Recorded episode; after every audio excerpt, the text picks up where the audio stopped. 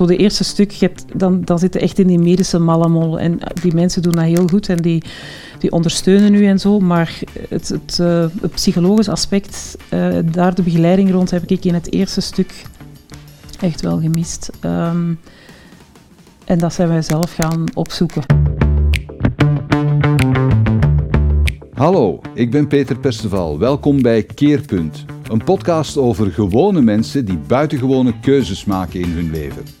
Mensen zoals u en ik, die uitdagingen, hindernissen, problemen, veranderingen tegenkomen in hun leven en vertellen over de manier waarop ze daarmee zijn omgegaan, omdat het voor iedereen inspirerend kan zijn. Als u nog meer van deze podcast wil zien of horen, abonneer u dan op onze nieuwsbrief op www.inspiringspeech.be.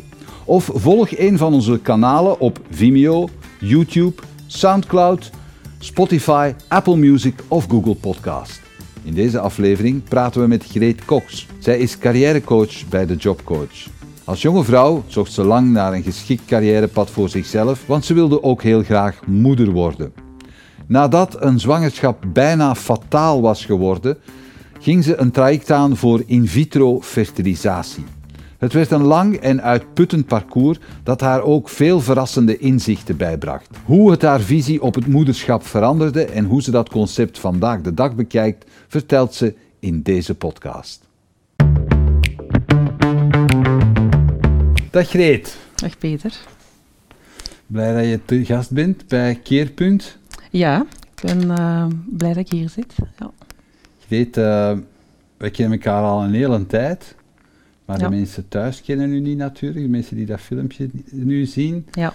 Hoe zou jij jezelf eh, voorstellen of omschrijven? ja, ik ben Greet Cox. Ik ben eh, vorig jaar eh, 50 geworden. Hè. Dat is toch zo een ja, magische leeftijd, is een groot woord, maar toch een speciale leeftijd. Ehm, ik ben ja, geboren en getogen in de Kempen. Hè. Dus ehm, ik ben van opleiding heb ik eh, een economische richting gevolgd. En ehm, momenteel werk ik als zelfstandig coach en eh, trainer. En ik ben getrouwd met Paul. En ik heb geen kinderen. Is dat heel belangrijk? Dat laatste wil ik zeggen. Ja, dat is, ja, het is daarmee dat ik het er ook bewust bij zeg. Ja, Ja, ja oké. oké. We gaan het erover hebben. hè? Mhm. Dat is een van de dingen waar we het over gaan hebben. Maar je bent eh, coach geworden, je hebt eh, een carrière achter de rug die meer financieel gericht is, als ik me niet vergis. Ik heb, hoe dat ze dat noemen, een atypische cv. Hè. Ik heb Ja. ehm, dus mijn opleidingshandels en financiële wetenschappen. En ik ben dan in een bank beginnen te werken als eh, beleggingsadviseur. Maar ik had eigenlijk al heel snel door, dat is het niet. Hè. Ehm, waar ik eigenlijk vooral tegenaan liep, was sommige mensen, niet iedereen, maar een aantal mensen met veel geld, ehm, die vinden dat ze beter zijn dan iemand anders. Allee, of dat gevoel had ik tenminste. Ehm, en dat, dat ging mij niet af. Allee, Ja. ik, had het, eh, ik had het daar moeilijk mee, dus ik heb al snel beslist van, het wordt iets anders. Ehm, nu, ik weet niet of de bedoeling dat ik heel mijn cv overloop, Nee, maar... nee, nee, nee, maar- Dus, maar want je ja, dat was al snel. Had- ik heb daar 2,5 jaar eh, gewerkt uiteindelijk. Ja, ja. En dan is mijn zoektocht eigenlijk een stukje begonnen. En eigenlijk kan ik dat ook wel terugleiden naar mijn studiekeuze. Ik heb eigenlijk getwijfeld toen, hè, op 18 jaar, tussen eh, een economische richting of pol en sok. Ehm, Mhm. en het is dan een economische richting geworden onder het mom van... Ja, daar heb je meer eh, jobkansen in. Oké.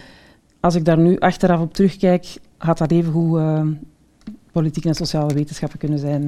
Um, ik heb geen spijt van mijn keuze, uh, maar ik heb wel een hele zoektocht afgelegd om te komen tot En wat ik nu doe. Miste de, de bagage die je zou opgenomen hebben in Pol en Sok, miste dat nu? God, dat is een goede vraag. Daar, daar heb ik eigenlijk nog nooit bij stilgestaan. Um,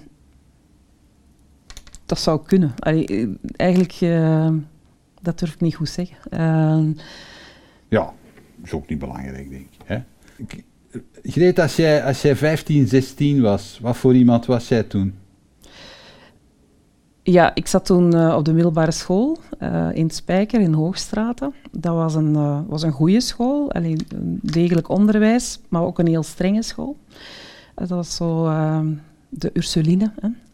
we hadden een directrice, een, een, ja, een non. Hè, een, Die zijn heel bekend omwille van hun uh, hotelafdeling ja, ook, hè? Ja, inderdaad. Hè. Ze hebben hotel, uh, technisch onderwijs, uh, humaniora. Ik zat mm -hmm. in de humaniora. Ja. En op die leeftijd, ik denk, ik heb totaal tot 16 of zo goede punten gehad. En dan ineens ging dat helemaal bergaf. Hoe kwam dat? Ik denk dat ik toen heel erg op zoek was naar ja, wie ben ik en ook een stukje puberen en, en rebelleren, denk ik. Um, dus ik weet dat was toen... jij een rebel? Zeker geen grote rebel, maar... Dat kan ik me niet voorstellen. Nee, nee, maar toch, uh, ik was heel erg zoekende. Uh, en ik liep ook wel een stukje zo tegen de, ja, de regels van de, van de school. Hè. Zo, hoe uitte zich dat, als je zegt ik was zoekende? Ja, hoe uitte zich dat? Um, toch wel vragen stellen over wie ben ik nu? Ja, wie ben ik? Hè? En, en, en, en wat wil ik? Um, ja, ik denk tot, tot dan toe uh, heel erg zo toch waarde, overtuigingen meegenomen vanuit mijn, mijn opvoeding. En dan door de middelbare school, hè, de wereld wordt ook, ook, ook ruimer. Hè, dan, dan ja, krijg je ook een ander, ander beeld over dingen. Um. En dat maakte ook wel dat ik begon na te denken van wie ben ik eigenlijk. Um, ja. Ja, en je vond daar niet meteen een antwoord op, op wie ben ik? Nee. Nee, dat heeft wel een hele tijd geduurd. Een ja, hele tijd? Dat heeft een hele tijd geduurd. Hoe, hoe lang ja. heeft dat geduurd? Um, dus ik heb dan, ik heb net verteld, ik heb dan handels- en financiële wetenschappen gedaan. Um, daar ook in de studentenvereniging geweest. Dat was een hele, hele leuke tijd. Hè. Dat was uh, heel plezant. En dan die eerste job. En dan voelen van, ja, dit is het totaal niet. Wat is het dan wel? En dan ben ik, ik denk dat dat op mijn 25e was, een cursus gaan volgen. Wie ben ik, noemde die echt. Hè. die noemde Wie ben ik. En uh, dus... Dat was niet van dat spelletje van... Uh wie ben ik? Dat nee, een nee, spelletje nee. met kindjes, hè? Ja, ja, maar nee, nee, dat was het niet. Nee, maar zo echt van, oké, okay, uh, okay, ik, heb, ik, heb, ja, ik heb de studierichting, je zit in de eerste job en dan voelde dit is het niet. Mm -hmm. Ja, oké, okay, wat nu, hè? Zo, Ja. uh, en dan, ik weet niet of je dat nummer kent van Stef Bos, Is dit nu later? Ja. Dat was zo'n lied, zo'n nummer dat, dat ik in die tijd ja, dikwijls opzette en waar ik mij heel erg in herkende, zo van je hebt dan toch wel wat verwachtingen. Allee, of ik had toch wel wat verwachtingen van het leven zo. En dan dacht ik van, oké, okay, waar sta ik nu? En, uh, wat waren uw verwachtingen dan van het leven op dat moment? Wat ik heel fijn vond, wat ik herinnerde, is dat mijn wereld open ging. Hè. Zo, ik, ja. ik ben opgegroeid in een heel klein dorp. Dat heeft, uh, dat heeft mooie kanten, hè, dat heeft zijn charmes. Uh, maar ik voelde zo wel iedere keer dat ik een stap kon zetten, oké, okay, naar het middelbaar, naar het hoger onderwijs, hè, dan wordt uw wereld ruimer. Dat was, uh, ja, dat was echt een verademing voor mij. Um, dat was, ja, iedere keer besefte ik, oké, okay, hier was ik al ja, lang aan toe, hè, om, om een verruiming te vinden zo in mijn leven. Ja. Voel je een beetje, dat heel klein dorp, dat is, dat is in Zondereigen? Mm -hmm, Zondereigen. Ja, noemt dat. Ik heb altijd zo een, een, een naam van een dorp gevonden uit een jommeke. Ja, het, is, het bestaat echt. Er zijn heel veel mensen. Ik weet dat het bestaat, ik ben er al doorgefietst. Ja, ook, maar. ja. Um, ja, wij lachen daar wel eens mee. Ofwel moeten daar zijn, ofwel zijn de verloren gereden. Hè? Dus uh, ja, er zijn ja. heel veel mensen die dat niet kennen, natuurlijk. Maar dat is echt een heel klein dorp. Hè? Dus je hebt een kerk in het midden en je hebt zo'n straat en zo'n straat. Hè? Dus, ja. uh, en iedereen kent iedereen. En, ja. uh, dus, dus dat, dat is... allee, ik vind dat wel fijn om, om, om, om mensen te kennen, maar dat heeft ook iets... Um, ja, ook iets gesloten. Hè? Um, was, er, was, er, was er veel controle ook? Nee, controle. U bedoelt dan sociale controle? Ja. Goh. Je zou denken, hè, in zo'n kleine ja, gemeenschap. Ja. De, ja, weet je, er werd wel eens gezegd, hè, zien wat je doet, want hè, anders hè, denken ze dat of dat of zo. Ja. Dat wel. Hè, dus, uh, dus in die zin, ja, wel wat. Maar ik heb me nu niet constant uh, ja, zo gecontroleerd gevoeld of zo. Dat nu niet. Want, was, want omdat je zei van, ja, ik het was blij dat de wereld open ging. Ja. Ja. Dus ik vroeg me af van waar het kwam eigenlijk. Ja, gewoon uh, iedere keer ja, gewoon andere mensen leren kennen. Uh, Hmm. mm. Gewoon een ruimer wereldbeeld. Ik weet bijvoorbeeld in de middelbare school, de reis naar Parijs, naar Rome. Allee, dat vond ik... Uh, ja, dat vond ik fantastische ervaringen. Hè. Ja. Ehm, ja. Gingen jullie thuis op reis wel eens? Als- als Dat is wel eens gebeurd, eh, niet zo vaak. We- Mijn ouders hadden een, een, een tuinbouwbedrijf en eh, in de zomer hè, was er geen tijd of ruimte voor. Dus als we op vakantie gingen, was dat in de herfstvakantie. En dan zijn we wel eens een paar keer naar Spanje geweest en zo. Ehm, Ja, dus het is niet dat we niet gingen, ehm, ja. maar het was beperkt. Maar, en moest je ook meewerken in het tuinbouwbedrijf?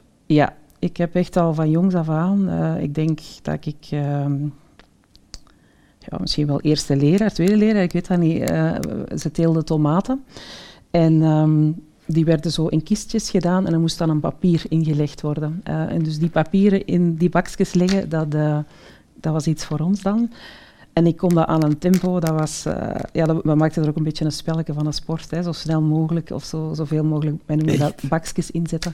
Ehm, dus dat was, ik heb er duizenden en duizenden en duizenden ingezet. Hè, zo. Dus, dus dat kon ik, eh allee, wij maakten daar echt een sport van. Dus, eh, voilà. en de- dus eigenlijk heb ik van jongs af aan, dat was dan in de vakanties en zo. ehm, Ja. en ik was ook vrij jong als ze zeiden van oké, mijn ouders hadden ook nog een ander bedrijf en dat ze zeiden oké Greet, eh, leid jij dat hier nu maar vandaag, wij, wij zitten daar op dat andere bedrijf. Dus, dus dat was, eh, ja, van jongs af aan heb ik uh, meegeholpen. kreeg de verantwoordelijkheid op. Ja, ja.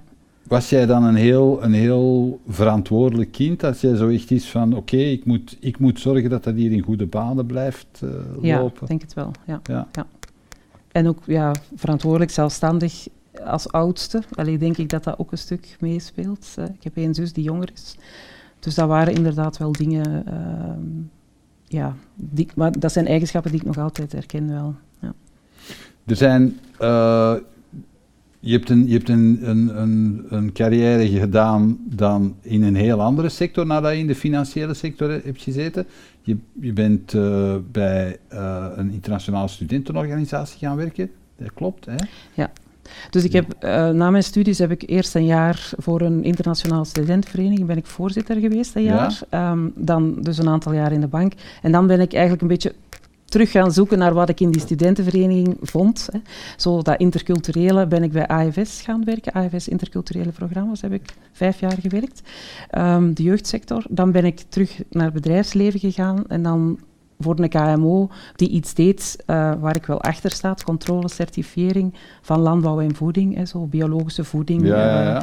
Uh, um, dus daar heb ik uh, een achttal jaar gewerkt. Um, dan heb ik ook een aantal jaar in de gezondheidssector gewerkt, uh, de samenwerking bevorderen tussen zorgverleners. En dan is mijn pad van coach begonnen. Dus daarmee dat ik zeg van, ik heb echt een atypische cv. Ik heb eigenlijk in verschillende sectoren gewerkt. Maar het was niet omdat je je verveelde dan, dat je veranderde? Of wat, wat, wat zorgt ervoor dat je zo schakelt van de, een, ja. van de ene kant naar de andere? Ik denk dat de reden altijd anders waren. Hè. Bijvoorbeeld na de bank voelde ik me echt niet op mijn plek. En dan ben ik eigenlijk een stukje terug gaan, gegaan naar wat ik ja. daarvoor had, hè, ja. uh, bij de studentenvereniging. En dan miste ik toch het economische, het, het, het ondernemende op een bepaald moment. Hè. Zo, dat, dat, was een VZW, uh, AFS Interculturele Programma's. En dan heb ik bewust wel gekozen om naar het bedrijfsleven terug te gaan, maar dan wel voor een bedrijf waar ik van voelde, oké, okay, die sluit, dat sluit aan bij mijn waarden, daar sta ik achter, hè, wat dat die doen. Hmm. Dus dat was toch wel een heel andere keuze dan bijvoorbeeld toen ik voor de bank koos. Um, en de gezondheidssector... Um, ja, ik ben ook een tijdje eh, daartussenuit geweest. Ik denk een tweetal jaren door, uh, door omstandigheden eigenlijk. Ja. Uh, en dan ben ik terug opnieuw gaan kijken en zien, ja, wat past er bij mij? En dan mm. ben ik zo in de gezondheidssector terechtgekomen. Oké, okay. we gaan het eens hebben over uh, die omstandigheden. Ja. ja, want ja. Dat, was, dat is een heel traject. Ja. Het had te maken met je kinderwens. Ja, dat klopt. Dus je wilde kinderen. Ja. Hè? Dat wilde je ook al van kleins af. Um, van kleins af um, zou ik niet durven zeggen. Uh, ik was daar eigenlijk, want ik ben een laadbloeier eerder op dat vlak. Hè, dus ik was 37 als ik uh, zwanger was hè, voor de eerste keer. Um, dus dat is niet zo vroeg. Hè. Uh, dus mm. dat is eigenlijk geleidelijk aan bij mij wel gegroeid, die wens. En, ja. en hoe kwam dat dat je, dat je zo, dat, dat moest rijpen, dat idee? Hoe kwam dat? Uh, mijn moeder zei vaak, uh, oh, Greet, je moet toch hè, zo gaan werken als je als moeder thuis kunt zijn en met je kinderen en zo, dat is toch, hè, dat is toch, toch goed, dat is toch tof.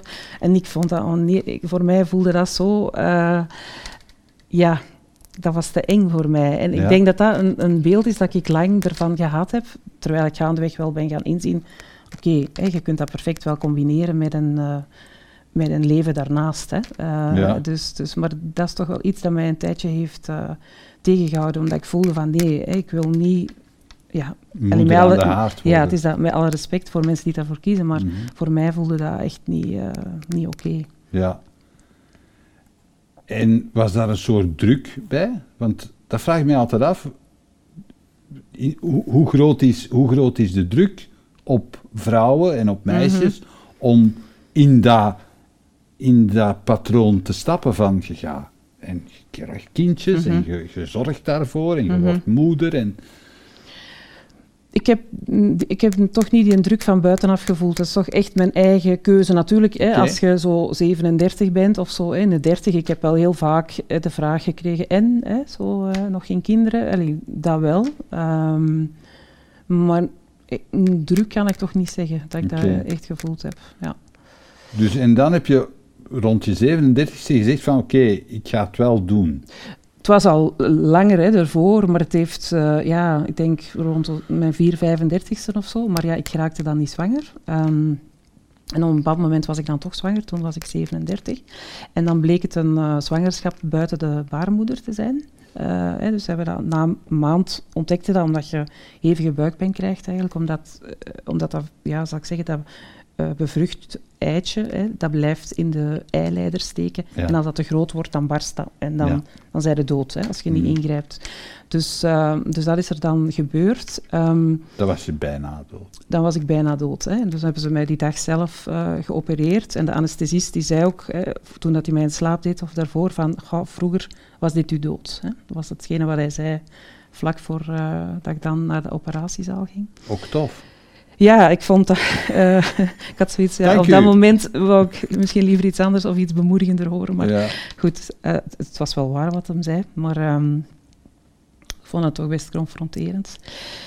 En dan is de bal eigenlijk snel aan het rollen gegaan. En dan had ik wel vrij snel een vermoeden wat er aan de hand was. Omdat mijn zus had eigenlijk ook wel um, niet zo gemakkelijk om zwanger te geraken. Zij had ook zwangerschappen buiten de baarmoeder gehad.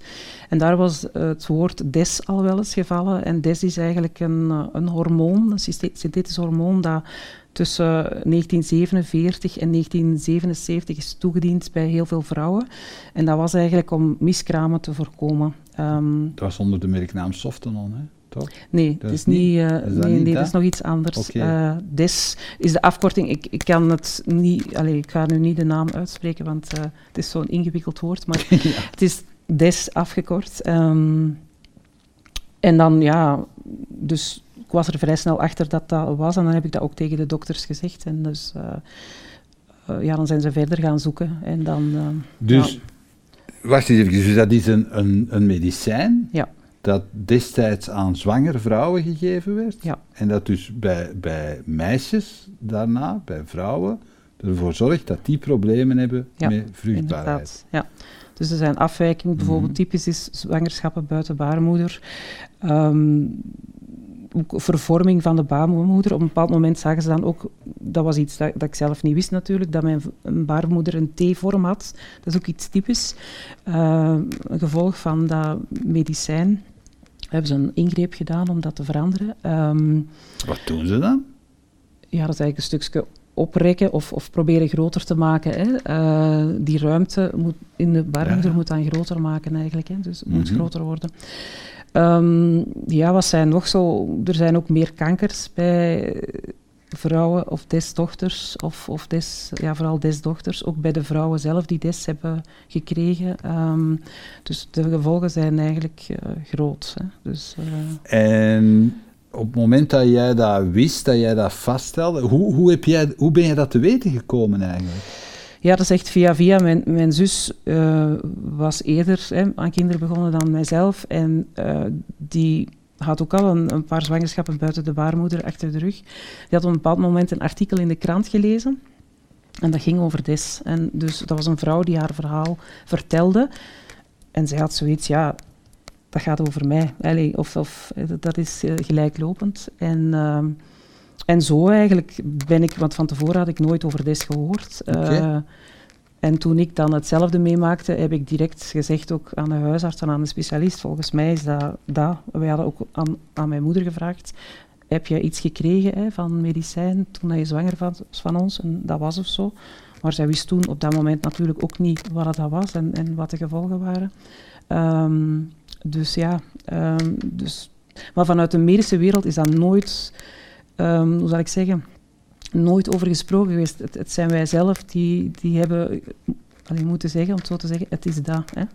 Eh, dus ik voelde daar toch wel wat weerstand. Ik heb dan ook proberen mijn dossier, of het dossier van mijn moeder nog proberen terug te vinden. Um, maar ja, dat is niet gelukt en ik voelde ook echt wel weerstand uh, daar rond. En op een bepaald moment heb ik ook gezegd, laat het los. Het is wat is, dat gaat mijn situatie uh, niet veranderen als ik haar dossier terugvind. Hè, om, ehm, om zeker te zijn dat het dat zou zijn. Maar ik bedoel... En heeft je zus dan uiteindelijk kinderen?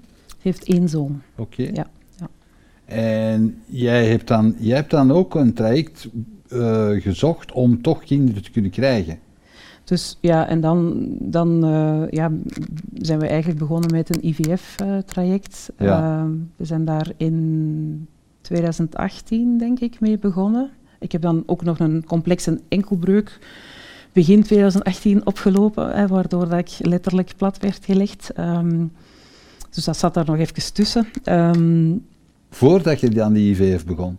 Of dus de, er was de, de zwangerschap buiten de baarmoeder, dat was uh, eind november. Mm, de enkelbreuk was maart. En dan zijn er een aantal operaties gevolgd in 2018 voor um, voor mijn enkel, maar ook eh, voor, voor baarmoeder en zo. En dan denk ik dat we eind 2018 begonnen zijn met uh, IVF. Maar dat is, allemaal toch, dat is allemaal toch niet zo simpel. Ik bedoel, de, nee. allee, het, het, uh, een, een, een buitenbaarmoederlijke zwangerschap, het, het mag dan buitenbaarmoederlijk mm. zijn, dat heeft een enorme hormonale impact op mm -hmm. Ja. ja, ik zeg het, dat was ik, als ik daar nu op terugkijk, dus van 2007 tot 2013. In 2013 waren de laatste be behandelingen, dat, was, uh, ja, dat zijn zes jaar. Dat is een enorme rollercoaster geweest. Hè. Als ik nu denk van hoe heb ik dat gedaan, hè, of hoe hebben wij dat gedaan. Um, nu, ik heb wel periodes gehad, uh, ik heb zeker ook ergens in het midden een periode gehad dat ik echt gecrashed ben. Um, dat ik echt voelde van, allee, ik zit, uh, ik zit echt op de bodem. Zo. Je wordt een beetje een, een, een, een medisch laboratorium hè, in ja. een IVF-behandeling. Ja. Ja, het is, het is, uh, je krijgt de behandeling met de hormonen. Hè. Je hebt de, de pick-up dan, zoals ze zeggen. Uh, dan de terugplaatsing.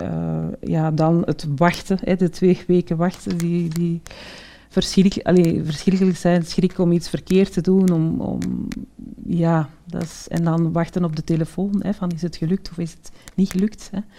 Um, die twee weken wachten, waarover gaat het dan? Ja, ze plaatsen een embryo terug ja. in, uh, in, in baarmoeder. Mm. En mhm. dan uh, wacht je twee weken en dan heb je een bloedname om te zien of dat je zwanger bent of ja. niet. Hè. Mm. En dan krijg je telefoon vanuit het ziekenhuis of dat, ja, of dat je zwanger bent of niet. Hè. En hoe dikwijls heb je dat uh, gedaan? Ja, ik, heb, ik denk zeker meer dan tien keer, maar ik weet... Tien keer? Ik weet niet juist hoeveel, maar ik heb wel, uh, ja, toch een behandeling of tien of twaalf. Ik, ik weet het niet meer exact, maar uh, toch wel verschillende, ja. ja. Staat daar eigenlijk een, uh, een soort limiet op? Ja, er zijn wel lim limieten inderdaad. En de uiterste leeftijd is ook 43 um, om dat te doen. Hè. Dat is de wettelijke leeftijd. En ik, het is ook goed dat dat bestaat, denk ik, dat die limieten er zijn, want waar stop je ergens? Hè? Uh, mm. Ik moet zeggen, ik heb mij die vraag ook wel dikwijls gesteld, waar stop ik? Maar ik heb wel geen spijt van dat parcours, um, omdat ik ook voel van, ik of wij hebben gedaan wat we konden. Hè? Dus, dus mm -hmm. ik... Uh, um, want op voorhand zou ik nooit gedacht hebben dat ik zo ver zou gegaan zijn. Uh, Hoe ver zat je? Ja, ik bedoel, eh, zo ver gaan in, in, in, ook in heel dat parcours en het aantal behandelingen, dat bedoel ik. Hè. Op ja, voorhand, ja. Uh, als mensen daar wel eens over vertelden, dan, dan dacht ik, dat ga ik nooit niet doen. Hè. Dat ga ik nooit niet doen. Dus, um, maar als maar je wat dreef je daar dan toe? Want allee, ik kan me voorstellen, als je zo hè, als, je- als ze zo'n embryo terugplaatsen en je zit twee weken te wachten in spanning, je ziet het is niet gelukt, Mhm. dat je een beetje... Wat denk je dan? Hoe komt dat, hoe komt dat binnen Ja, zo'n nieuws? Heb je dan zoiets van, ik ehm, heb iets verkeerd gedaan? Wat, wat, wat, wat gebeurt er dan met jou? Dat is heel emotioneel, hè, want het is, het, is, het, is, het is echt een rollercoaster van... Je hebt, je hebt eerst de behandeling, hè, de hormooninspuitingen, en dan eh, de pick-up, de eicellen die ze weghalen, die bevruchten. Als dat lukt, dat is al een... eh, hoe zou ik zeggen? Ja, dat is, dat is een succes, hè, als dat lukt. Hè. Dus Ja. dat is zo'n stap van, oké, het is gelukt. En dan heb je de terugplaatsing hè, en dan, dan is het inderdaad wachten. Dus, dus je leeft eigenlijk heel vaak tussen hoop en, en wanhoop eigenlijk. Hè. Ehm, dus dat is echt een rollercoaster. En, en die keren dat je dan een telefoon krijgt, ja, ik heb, ik heb veel geweend. Ehm, ik heb ook wel wat gezocht tussen eh, hoe ga ik daar dan mee om. Hè. In het begin vertelde ik dat aan een aantal mensen. Dus soms wisten mensen echt exact op welke dag ik dan telefoon zou krijgen. Ehm, maar op een bepaald moment ben ik daar dan ook mee gestopt met dat te zeggen, omdat dat, ik, dat voelde te zwaar om, ehm, om dan iedereen, niet dat ik per se iedereen moest informeren, maar eh, mensen vragen dat toch. En eh, dat was te veel, ook om dat met een aantal mensen te delen. Op een bepaald moment ben ik daar echt gestopt met dat te zeggen. Wilde ik dat gewoon alleen voor onszelf houden. Ehm, dus, eh, en dan dat ik op eigen tempo wel er iets over kon zeggen, maar niet specifiek op die een dag. Dat Zit niet je relatie ook onder druk? Ehm, dat kan ik bij ons eigenlijk niet zeggen. Ik heb Mhm. echt het gevoel dat wij er sterker uitgekomen zijn. Ja? Ehm, Mhm. Pas op, het is een serieuze beproeving. Ehm, maar ik kan me ook wel voorstellen dat dat tot een relatiebreuk zou kunnen rijden- leiden. Maar Maar jij bent er jullie zijn er we sterker, uitgekomen, jij en Paul. Ja, ja, Dus ja. en, en hoe kwam dat? Heb je daar een verklaring voor? Want dat is misschien wel relevant om te Ja, weten. Ik, we daar- allee, ik, kan, ja, ik kan me voorstellen, wat je Mhm. nu vertelt, Mhm. hè, eh, het is een rollercoaster, het is, het is hormonaal al niet Mhm. evident voor je lichaam. Nee, En dan, dan de emotionele impact daar nog eens bij, van dat slechte nieuws, krijg je dus een soort eh, enorme uitvergroting van, van emoties en van stress. ja. Dus ik dat is toch niet, dat is niet goed voor de mens, hè? Nee, nee, dat is, eh, dat is een zware beproeving. Ja. Dat, is, dat, is, is inderdaad zwaar. Ja. Goh, ehm, ik denk we hebben daar altijd goed over kunnen praten. Ehm, we hebben, elkaar, we hebben ook gedeeld hè, wat, dat, wat dat voor ons is. Hè, want de man heeft uiteraard ook een stuk in, in dat verhaal. Ehm, we, we hebben er echt altijd wel goed over kunnen praten. We hebben ook, ook ja, samen ja, dat pad echt eh, gegaan. En ehm, we hebben ook eigenlijk nooit discussie gehad over gaan we verder of niet. Of allee, ik denk, dat kan ik me voorstellen, dat dat soms op een bepaald moment als de ene persoon zegt ik, ik wil het niet meer en de andere wil het wel. Ehm, dus we zaten daar wel eigenlijk eh, op dezelfde golflengte. Ehm, dus ja, dat is, dat is echt iets dat je samen meemaakt, hè, heel intens. En, Mhm. en dat heeft voor ons wel versterkt. Ja. Ja. Ja. Als het niet lukte, Mhm. hè? Wat de... Je hebt al gezegd, op een gegeven moment begon ik mij af te sluiten. Be- besloot ik ervoor om dat alleen met mijn partner eh, te Mhm. beleven. Na, na, na, al die, na al die Mhm. episodes, hoe heb je eigenlijk besloten van te stoppen? Ehm, daar heeft die wettelijke limiet ehm, mij toch wel geholpen. Allee, ik wist wat de wettelijke limiet was, dat was mijn leeftijd en ook het aantal keren. Hè. Ehm, dus, dus dat was de grens. Zou je anders doorgegaan zijn? Dat is een goede vraag. N- niet meer lang, denk ik. Allee, ik bedoel, eh, maar die grens hielp, wel, hielp voor mij wel, want inderdaad, wanneer stopte? Hè, wanneer stopte? Hè? Ehm, dus ik vond dat wel goed dat die grens er is. Mij heeft dat wel geholpen. Want Je zou het niet van je eigen gedaan hebben dan. Het kan een beetje een obsessie worden, hè? Ja. Het is, dat ik, Ja, het ik, snap dat ik mij ja, afvraag. Ja, obsessie zou ik het niet noemen. Ehm,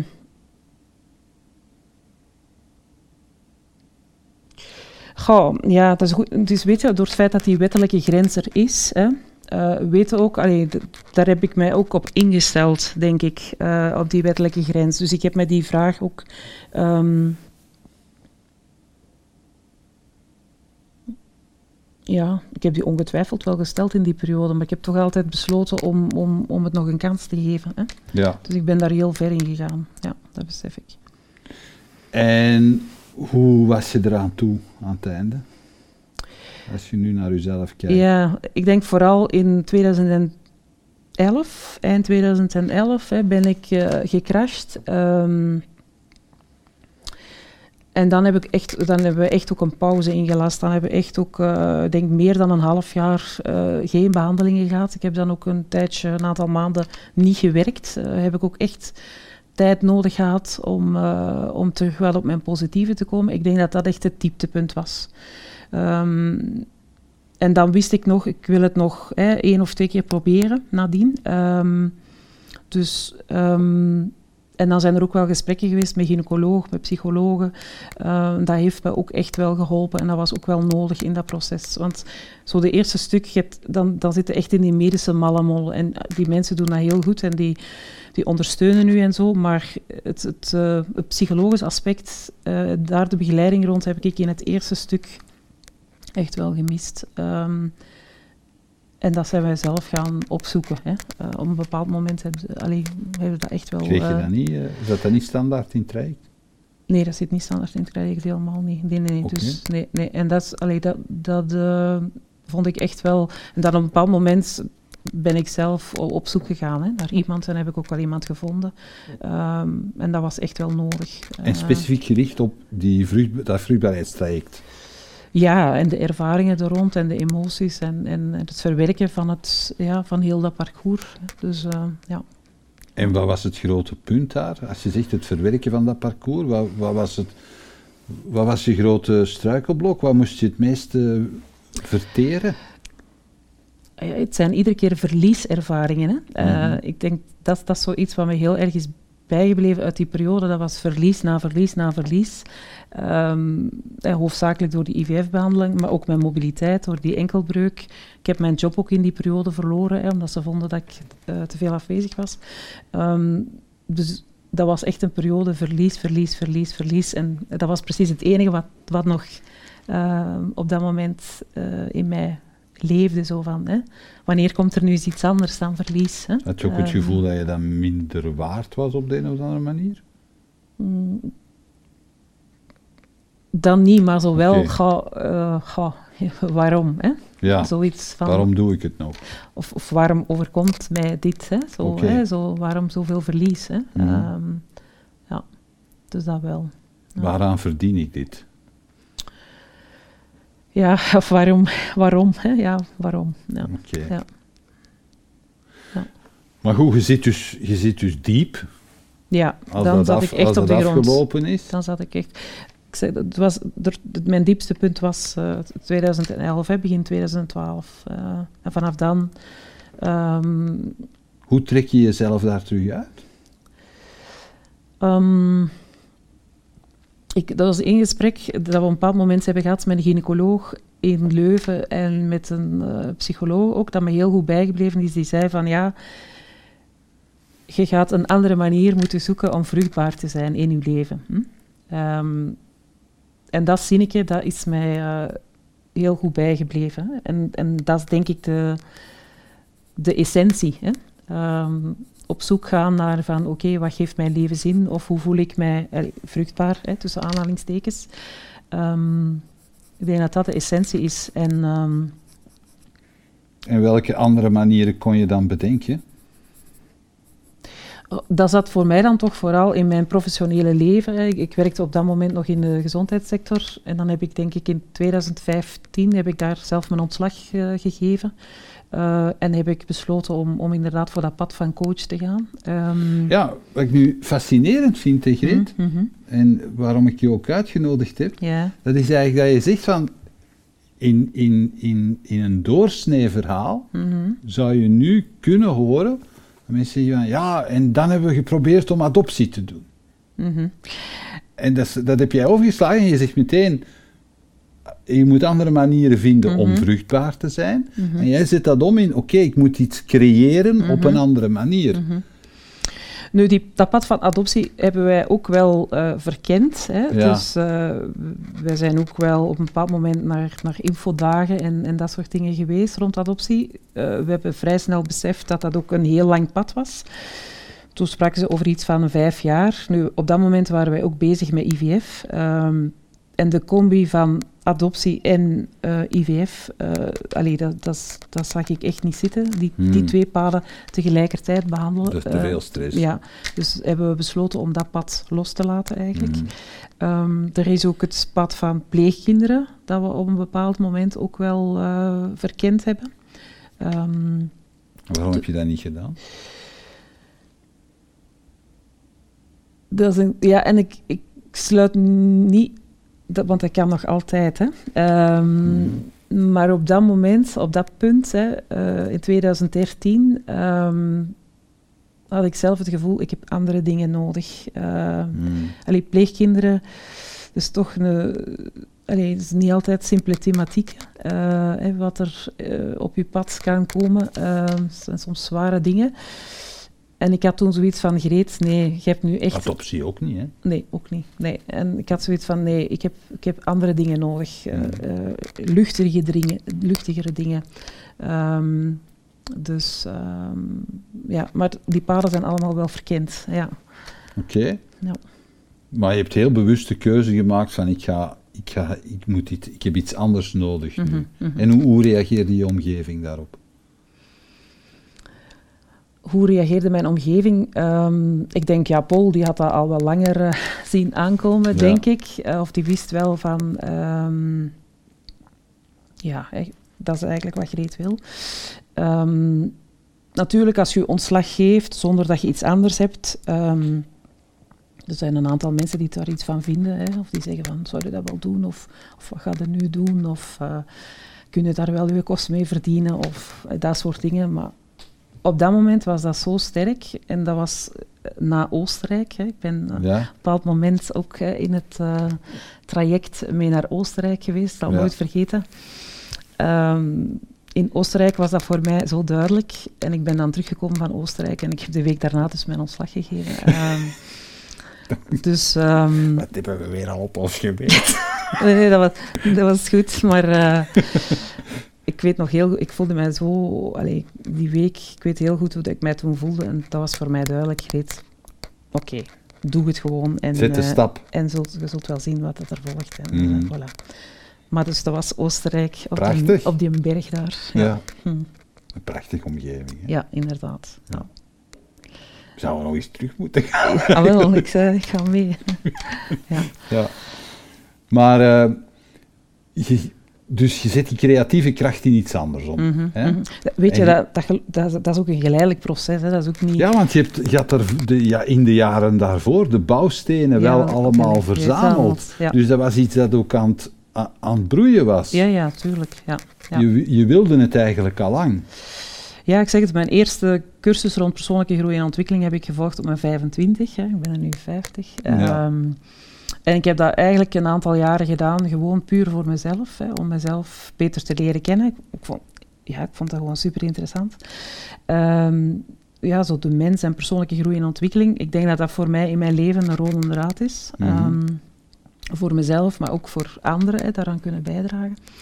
En dan heb ik gaandeweg wel beseft van, kijk, ik eh, wil er ook iets mee betekenen voor anderen. Ehm, voilà, en dan zo geleidelijk aan eh, en dan daar ook wel mijn weg in gezocht. Ja. Dus, eh, ja. Maar wat, wat was het dan? Ontbrak je aan vertrouwen om die stap te zetten? Ik zat eerst in een organisatie eh, waar ik echt op pad was, ook om, dat noemde daar vormingswerker, ehm, Mhm. om dat pad te wandelen. En ik was, op een bepaald moment was ik echt van, oké, ik zit hier goed. Maar gaandeweg voelde ik van, ik zit niet op mijn plek. Hè. Het is niet de, de juiste organisatie. Ehm, en dat was denk ik tien jaar geleden, dus dat was, eh, was ik rond 40 dus inderdaad. Maar ik volgde al 15 jaar hè, opleiding, al 15 jaar in die organisatie. En dat was toch ook uh, een pittige voor mij om te beslissen om daaruit te stappen. Achteraf, allee, uh. En waarom was dat pittig? Ja, ik denk toch een soort uh, ja, verbondenheid hè, met, met die organisatie. Um, familie is niet het juiste woord, maar ja, toch een bepaalde verbondenheid uh, waar ik van achteraf zie dat ik dat niet zo evident vond om de, de draden door te knippen. Hm. Um, maar het was, allee, het was de juiste keuze. Maar ik heb, daar, uh, ik heb daar eigenlijk wel een tijdje over gedaan om die beslissing te nemen en om daar uh, ja, weg te gaan. Vond je dat je de mensen in de steek liet dan? Nee, ik denk, goh, misschien ook schrik om de verkeerde keuze te maken. Um, of, of zo ook wel van mezelf, hè, kan ik mezelf vertrouwen in wat ik aanvoel. Hè, van, ja. van, dat is heel mixed, mixed feelings op dat moment. Je, je, je, je wist eigenlijk niet goed of wat jij voelde, of dat dat wel klopte. Ja, daar, daar twijfelde ik aan. En ik weet ondertussen wel, ik heb een hele sterke intuïtie. Ja. Uh, maar ik kan soms echt aan mijn... Ja, als ik aan mijn intuïtie twijfel, hè, uh, ja, dan, dan, dan wordt het moeilijk natuurlijk. Hè. Ondertussen weet Twijfel je daar nog aan? Soms nog, ja. En, wa en, waarom dan? Ja, dat is een goede vraag. Ik weet ondertussen uit ervaring van dat ik perfect op mijn intuïtie kan vertrouwen. Hè. Dus de, mm -hmm. intuïtie toont, zit eigenlijk juist. Hè. Mm -hmm. um, maar dat is inderdaad, uh, ja, waarom? Um, ik denk dat ook een stukje het verstand, mijn verstand er dan intussen komt. Uh, ik denk dat ik toch een stuk heel lang in mijn verstand geleefd heb en, en dat, dat al wat emotie was, gevoel, dat dat een stukje onderdrukt werd, dat er weinig ruimte voor was. Um, en dat is denk ik ook de meerwaarde van wat ik heb meegemaakt als ik echt op de bodem zat. Um, achteraf gezien uh, heeft dat wel veel gedaan uh, voor mijn emotioneel leven. Ik bedoel, dan, als je zoiets meemaakt, uh, dan kun je niet meer ontsnappen. Hè? en dan, dan kun je niet meer alleen naar je ratio gaan. Hè? Dus, dus, dus als ik daar nu naar terugkijk, dat is misschien raar, maar is dat wel een stuk dankzij heel dat pad dat ik heb afgelegd, dat ik nu, dat er ook meer ruimte is voor emotie en niet alleen voor uh, puur het verstandelijke. Um, en dat er ook meer ruimte is voor mijn intuïtie. Maar goed, soms komen de oude uh, demonen. In welke, in welke omstandigheden uh, komen, komen zo de oude reflexen op? Want ik noem nog geen demonen. Dat zijn ja, oude reflexen. reflexen ja, um, ja. Heb je last van in je beroep? Want je, je, ben, je, bent, je bent jobcoach, je mm -hmm. begeleidt mensen mm -hmm. in, in carrière-trajecten. Mm -hmm. En um, dat, dat, is, dat, dat zijn heel snelle trajecten meestal. Dus je, moet, je moet heel snel aanvoelen ook hoe iemand in elkaar zit. Ja. Heb je daar... Uh... Nee, ça va. Uh, ik denk dat het... Um, het heeft vooral met vertrouwen in mezelf te maken. Hè? En als, mm. als zo nieuwe stappen zijn, um, dan gaat er toch wel zoiets door me heen van, hey, kan ik dat wel? Hè? Of, um, en het is vanuit, soms vanuit die onzekerheid uh, dat ik dan soms inderdaad naar de ratio ga van... En dat dan intu intuïtie minder een plek krijgt soms, denk ik. En die ratio raad je dan dingen af? Ja, die komt dan mee met... Uh, ja, hoe zit het dan financieel en uh, dit en dat. Allee, zo weten, uh, die dingen. Hè, de ratio ja, bekijkt de dingen anders dan... Uh, ja, voilà. Dat is, echt, dat is een rem, hè? Ik weet wel ja, dat dat een rem is. Ja, ja. Maar goed, allee, er is, ik bedoel, ik ben er al niet Is het beter geworden met de jaren, toch? Ja, ja, ja, ja, het is serieus beter geworden. Maar goed, af en toe... Um, ja, af en toe is het nog daar, ja. Ja. ja. Je weet, als je nu kijkt zo naar, die, naar, naar dat traject, je, je zei net van ja, het is door zo diep te zitten dat ik mm -hmm. ook meer, meer op mijn emotie durf mm -hmm. te vertrouwen mm -hmm. en dat ik daar ook mee, meer mee durf werken. Maar um, zijn er ook andere dingen die je meeneemt nu in je vak als coach? Kijk je op een andere manier naar mensen bijvoorbeeld?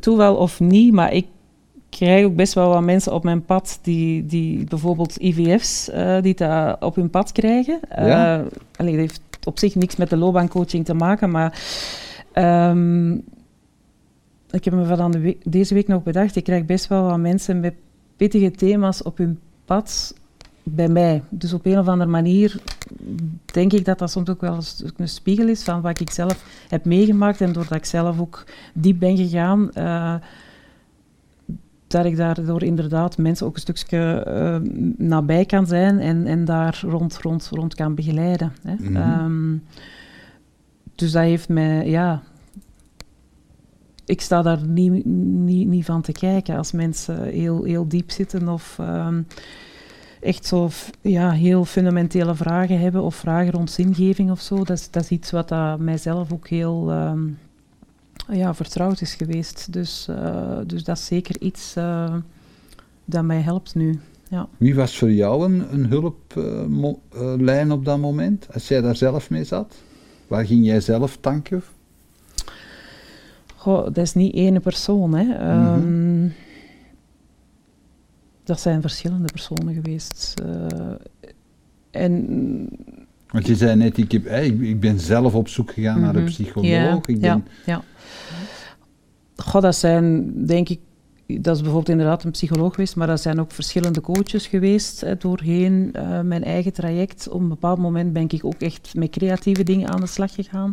Dat ik voelde van woorden, woorden helpen niet. Hè. Dus, dus ik, ik weet dat ik zo een tijdje gesprekken had en ja, dat, dat, dat leverde er gewoon niks op. Dus ik dacht, ik moet hier gewoon mee stoppen. Want, uh, ja. dus, en dan ben ik echt meer zo met creatieve en dan, dan kwamen er nieuwe dingen. Um, ja.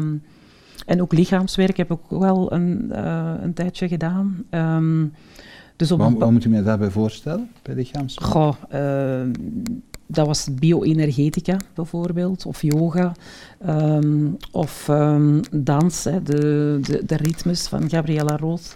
Die dus, dus het, uh, ja, mm -hmm. allerlei expressieve vormen met, met het lichaam. Um, dus op een bepaald moment was dat echt voor mij belangrijk. Om mijn woorden kun je heel gemakkelijk nog terug naar je ratio gaan. Hè? Terwijl als je met creatieve bezig bent of, of met lichaamswerk, dan ja. Dan moest het gewoon laten gebeuren eigenlijk. Ja, dan is die ontsnappingspiste er veel minder. Hè. Mm -hmm. uh, ja. En dat was iets wat je niet durfde, hè? het laten gebeuren? Um, goh, niet durfde, ja. Dat was een manier om, heel, heel vertrouwd om... Uh, er zat een handrem op, ik ja, het zo zeggen. Ja, het is dat, dat was okay. heel vertrouwd om, om, om naar, de ratio, naar de ratio te gaan. Hè. En, mm en, en zo de dingen onder controle te houden, denk ik. Ja. ja. Ben, je nu, uh, ben je nu intuïtief in je coaching ook? Ik ben ja, heel intuïtief. Um, ja, want mensen vragen mij soms van, oké, welke technieken passen dan toe en welke structuren en zo. En natuurlijk, ik, ik, weet wel dat dat, dat, belangrijk is. Um, maar ik coach gewoon echt van op intuïtie. Ik ga niet nadenken in een, in een gesprek, nu moet ik uh, dat techniekje of nu moet ik... Uh, ja, ik zo werkt dat niet bij mij. Ik, werk heel intuïtief eigenlijk. Uh, ik, voel, ik voel gewoon tijdens een gesprek, en daar vertrouw ik dan ook wel op van oké, okay, dit is nu hè, de, de, volgende stap of de volgende vraag. Of, of ja, dat werkt gewoon zo bij mij. Dus, ja. En, dat, en dat, dat marcheert ook. Uw, ja, uw ja. klanten nemen dat aan. Ja. Dan zie je niet van, wat zie jij nu voor iets Nee, nee, nee, nee. nee. Dat, alleen maar dat zijn... Uiteraard uh, doe de bepaalde oefeningen of, of, of ja. uh, past een bepaalde techniek toe. Maar ik wil zeggen, dat ontstaat heel intuïtief. Um, je zegt nu net van, ja, ik krijg nogal mensen over de vloer die ook met vruchtbaarheidsproblemen mm. mm -hmm. te maken hebben. Wat, wat, wat, wat, zeg je, wat zeg je aan hen?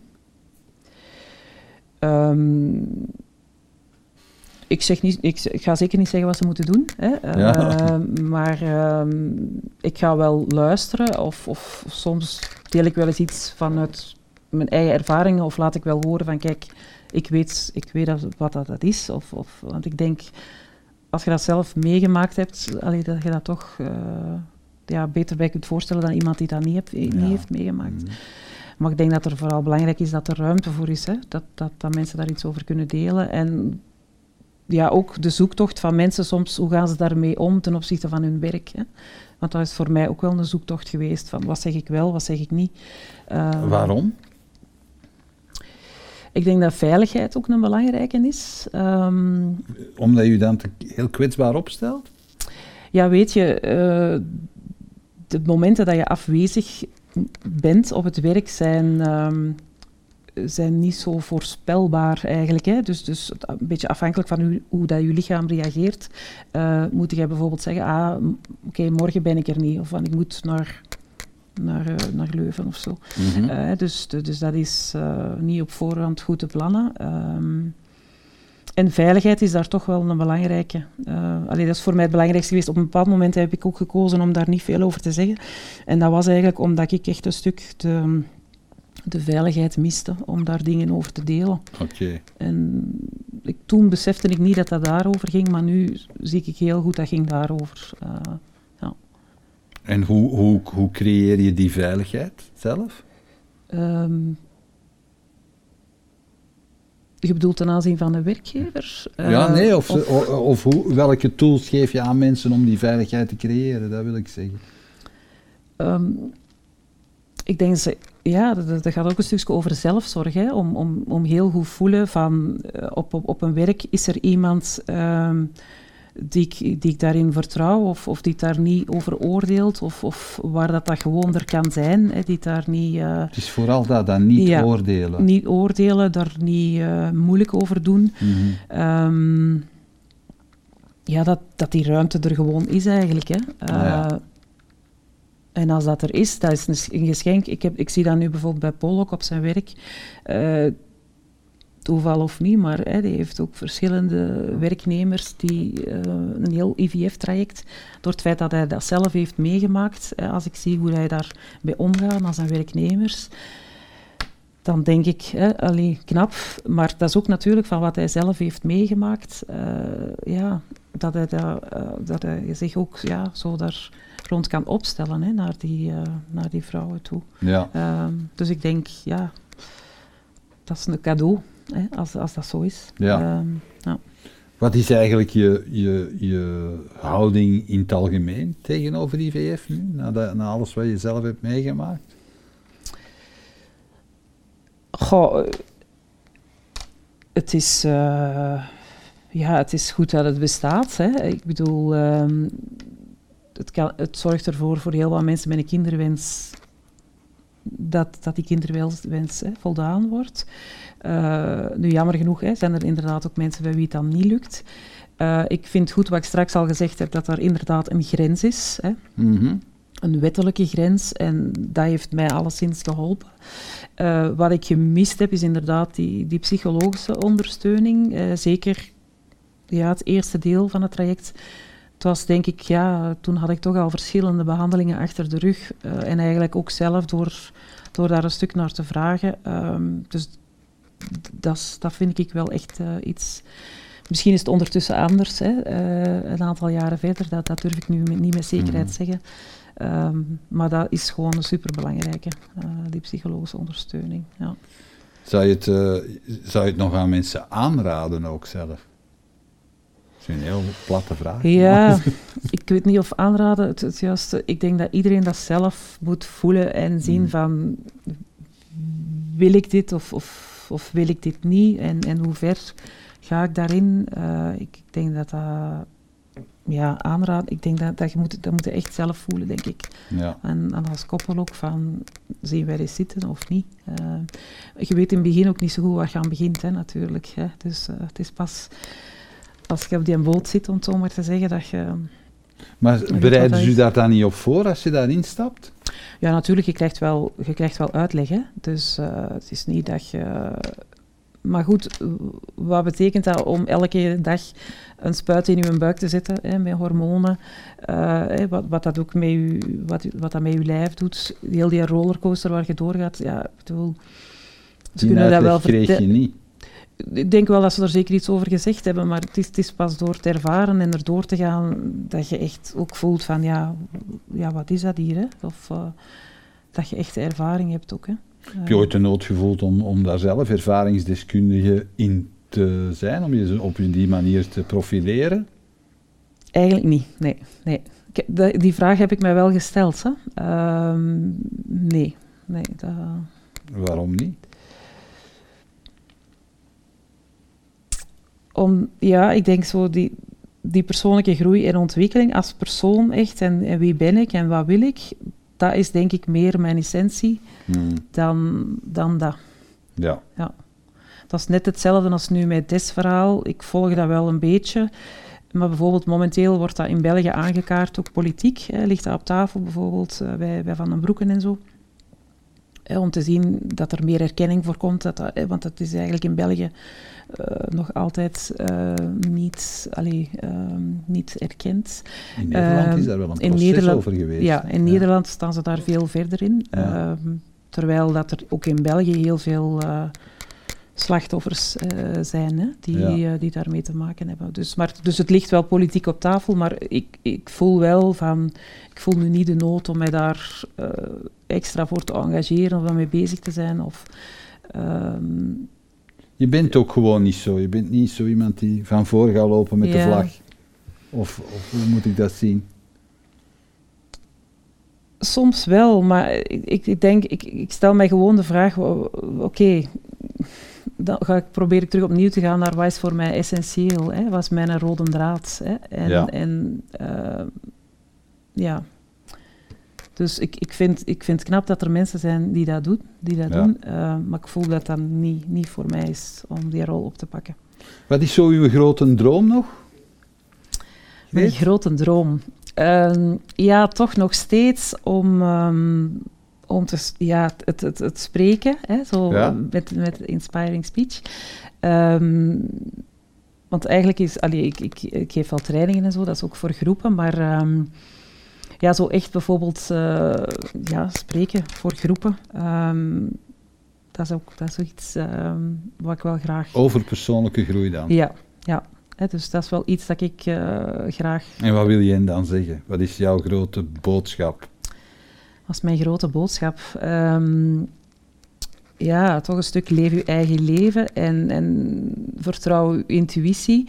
Uh, ik weet niet of ik het met die woorden zou zeggen, maar in essentie gaat het daar wel over. En, en ja, vertrouw op, op... Want er wordt heel veel van binnenuit aangegeven, hè, van, van over je pad en wat goed is en, en of wat goed voelt. En soms zit er een dikke laag over. Hè, En mhm. soms moeten veel pellen vooraleer dat je uh, bij de essentie komt, maar ja, van durf te, durf te vertrouwen op, uh, op de essentie die je aanvoelt, wat uw pad is. Dat is eigenlijk, dat voel ik dat mijn rode draad is. Uh, Als jij dat zegt tegen mensen, hoe ja. reageren ze dan? Um, Krijgen ze daar geen schrik van? Weet je, ik, ik, ik zeg dat nu zo, hè, zo ja? maar ik, ik, zeg, ik denk niet dat ik het op die manier zou, zou, zou verwoorden. Um, maar zeg je het wel eens tegen je coaches, dat je zegt van, je weet wat goed is, volg het dan. Ja, dat wil ik wel zeggen. Uh, ja, bedoel, hè, en hoe reageren ze dan? Uh, ja, dan komt er vaak inderdaad de weerstanden boven. Hè. Zo, ja. zo de, de, de, de, schrik of de hoe overtuigingen. Komt, ja, hoe of, komt of, dat? Of, of, of, of allee, is het schrik en overtuigingen? Wat, wat? Ja, hoe komt dat? Allee, ik bedoel, wij, wij worden allemaal opgevoed hè, op een ja. bepaalde manier. Uh, we hebben allerlei waarden, overtuigingen, uh, levenservaringen die, hmm. die bepalen hè, hoe dat wij denken, hoe, uh, hoe dat we naar dingen kijken. En daar zitten ook dikwijls heel wat remmende, ja, remmende zaken bij. Ja. En soms moeten we eerst wat afbraakwerken doen vooraleer dat je terug... Oerwoud wegkappen. Ja, zoiets, voordat ja. je terug kunt opbouwen. Ja. Oké. Okay. Als jij nu, als jij nu jezelf terug zou tegenkomen, zo, hè, je zei nu, mm -hmm. als 50-jarige, mm -hmm. je komt je 16-jarige zelf tegen. Wat zou je daar tegen zeggen? Ja, vertrouw jezelf. Want dat hadden toen niet. Nee, nee, nee, nee. Ik, uh, ik denk dat dat ook een stuk de knoop was. Hè. Wie ben ik? Allee, ik had allerlei veronderstellingen van... Um, maar ik denk, ja, zo het echt dicht bij mezelf staan uh, of daarop vertrouwen, dat was er toen niet. Nee. Mm. vertrouw jezelf, je intuïtie en, en ja, volg die maar, dat is goed. En dan komt het altijd wel uh, terug op zijn pootjes terecht. Uh, allee, dat is mijn ervaring ook. Ja, oké. Okay. Bedankt Greet, dat is een fijne levensles. Veel, veel succes. Ja, dankjewel Peter. Met uw droom. Ja. Hè? Ik hoop dat we elkaar daar nog eens in zien. Oké, okay, is goed. Dankjewel. Bedankt dat je keek naar deze aflevering van Keerpunt. Wil je op de hoogte blijven van nieuwe afleveringen en nieuwe interessante gasten? Abonneer je dan op onze nieuwsbrief via www.inspiringspeech.be. Iedere twee weken brengen wij een nieuwe aflevering online op inspiringspeech.be, YouTube, Vimeo en Soundcloud. Tot ziens.